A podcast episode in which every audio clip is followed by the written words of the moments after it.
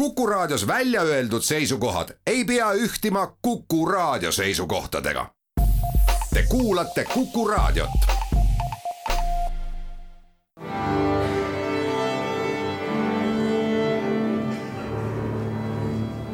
daamid ja härrad, Eesti Kontserdi saade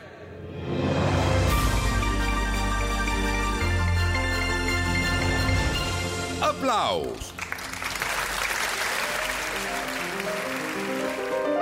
Tere kõigile, Eesti Kontserdi saade Applaus ja mina olen Lauri Aav. vaatan siin meie lähipäevade kontserdikalendrit ja paistab, et täna ei jõuagi millestki muust rääkida kui sellest, mis toimub nüüd ja kohe alustuseks ehk siiski see, mis ei toimu, kuigi oleks võinud toimuda. ehk et seoses püsivalt ebakindla olukorraga Euroopas jätab Eesti Kontsert ära Saksamaal resideeriva maineka pianisti Kalle Randolu soolokontserdid Tartus, Tallinnas ja Pärnus. piletid ostetakse loomulikult tagasi ja Tallinnas pakutakse piletiomanikele asenduskontserti, milleks on Briti Austraalia pianisti Steven Ho soolokontsert kümnendal märtsil Estonia kontserdisaalis ja see on päris mõistlik vahetuskaup. Kalle Randalu kontserdid toimuvad aga aasta pärast, kahe tuhande kahekümne kolmanda aasta kevadhooajas ja töö selle nimel juba käib. kontserdid, mis aga lähipäeval toimuvad.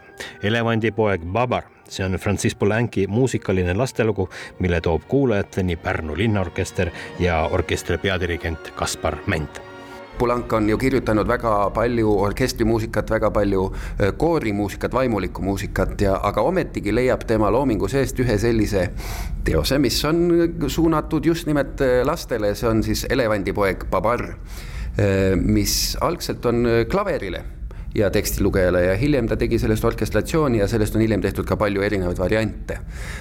ja see Elevandipoeg Babar on iseenesest Prantsuse kultuuriruumis hästi tuntud populaarne lastejutt.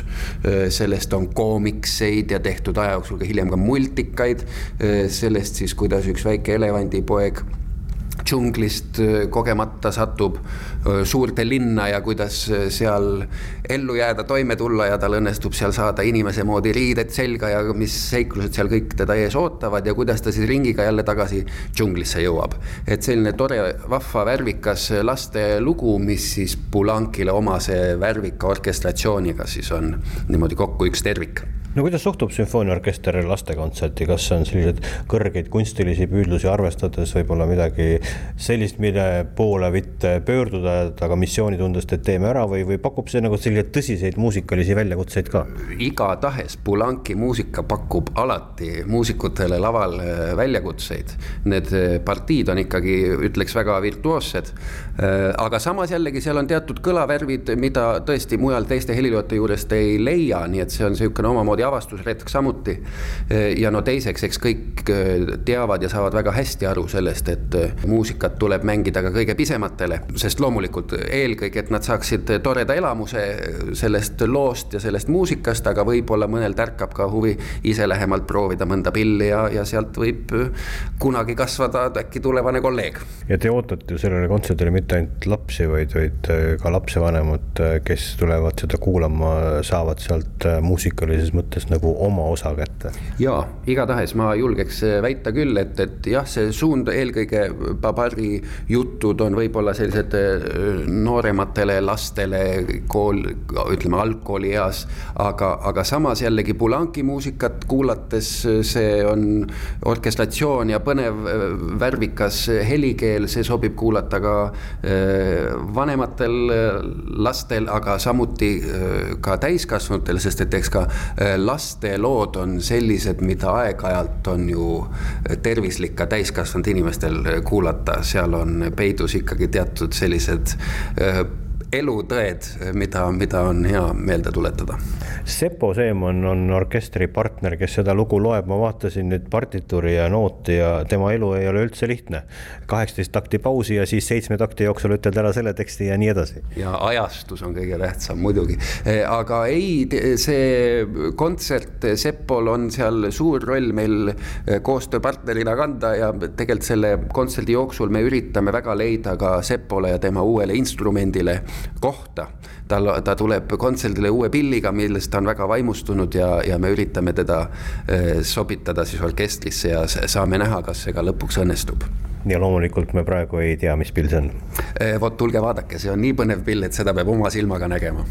see teos on kirjutatud umbes kuuskümmend, seitsekümmend aastat tagasi, kas on sinu hinnangul on muutunud aja jooksul see, kuidas tuua lapsi sümfooniaorkestri juurde, kuidas tuua lapsi klassikalise muusika juurde, kas midagi on muutunud? on sellised head aegadeülesed lood, mida ikka lastele jutustatakse, no võtame laiemalt, ütleme, on teatud muinasjutud ju, mida me alati räägime lastele.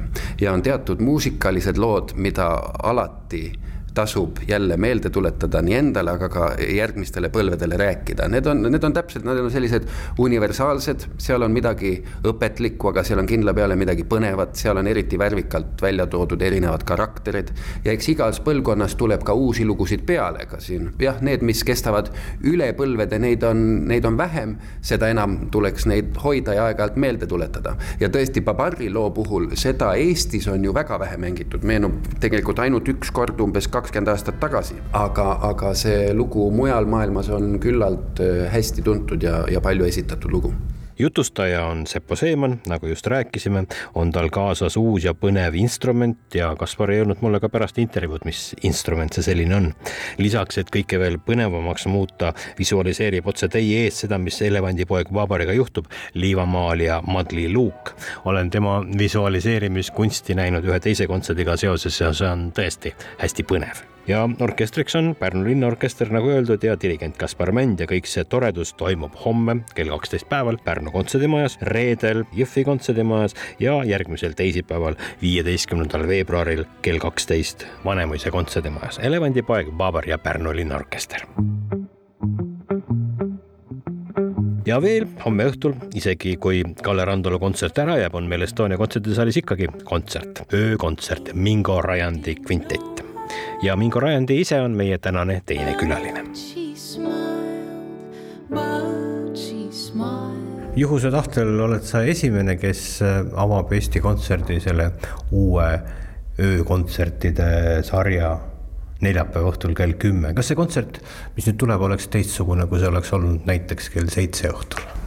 ma ei oska seda ette öelda ausalt öeldes öösel on mingi teine vibe kui varasematel tundidel, võib-olla inimesed on, ma arvan, et võib-olla see ongi rohkem publikul.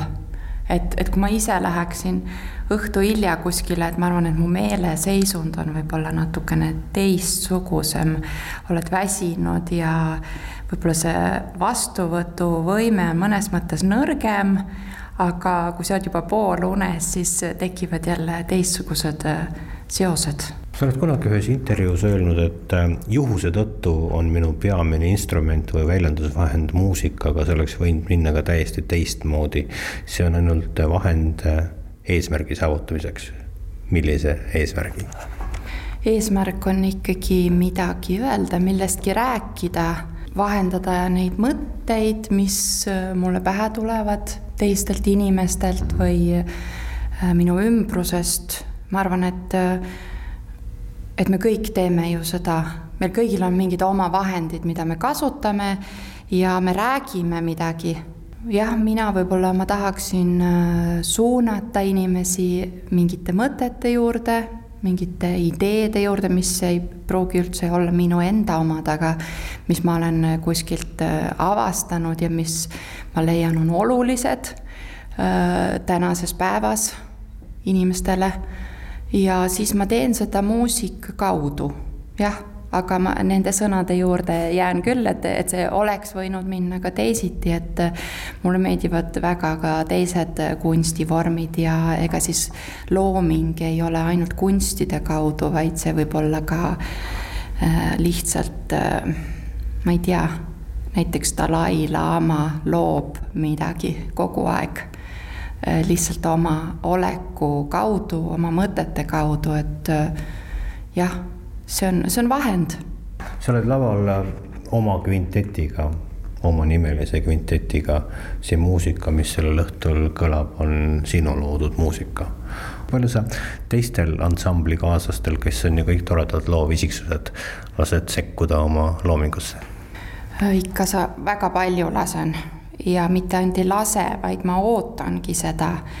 selline koosloome minu jaoks ongi ideaal ja loomulikult ideaale ei ole olemas, aga seda ma võin küll öelda, et äh, see muusika, mida ma kirjutan, et see ei ole ju kunagi valmis, ma arvan, et ükskõik, mida mõni helilooja arvab, äh, see, mis ta paberile paneb, see ei ole valmis.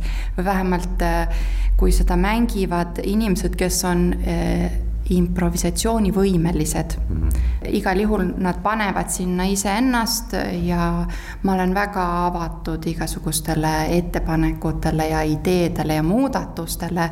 ja ma arvan, et kui mu ansamblis mängiksid teised inimesed, mitte need, kes seal on praegu, siis see kõlaks teisiti.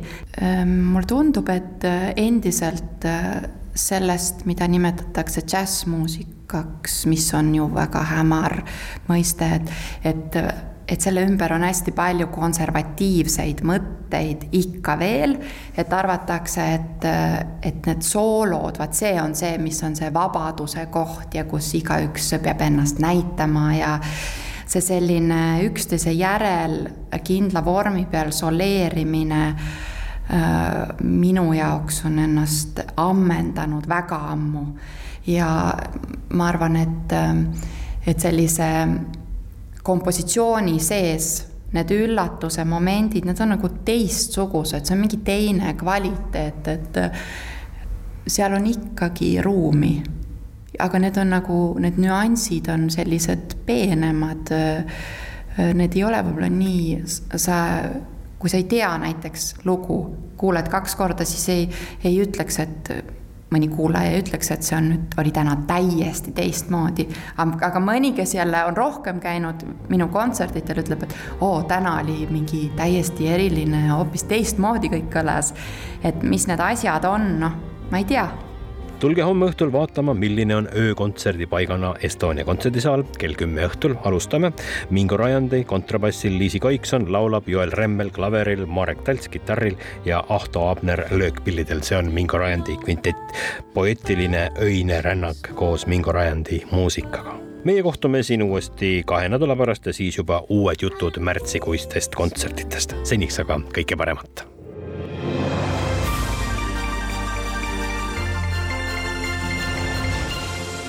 aplaus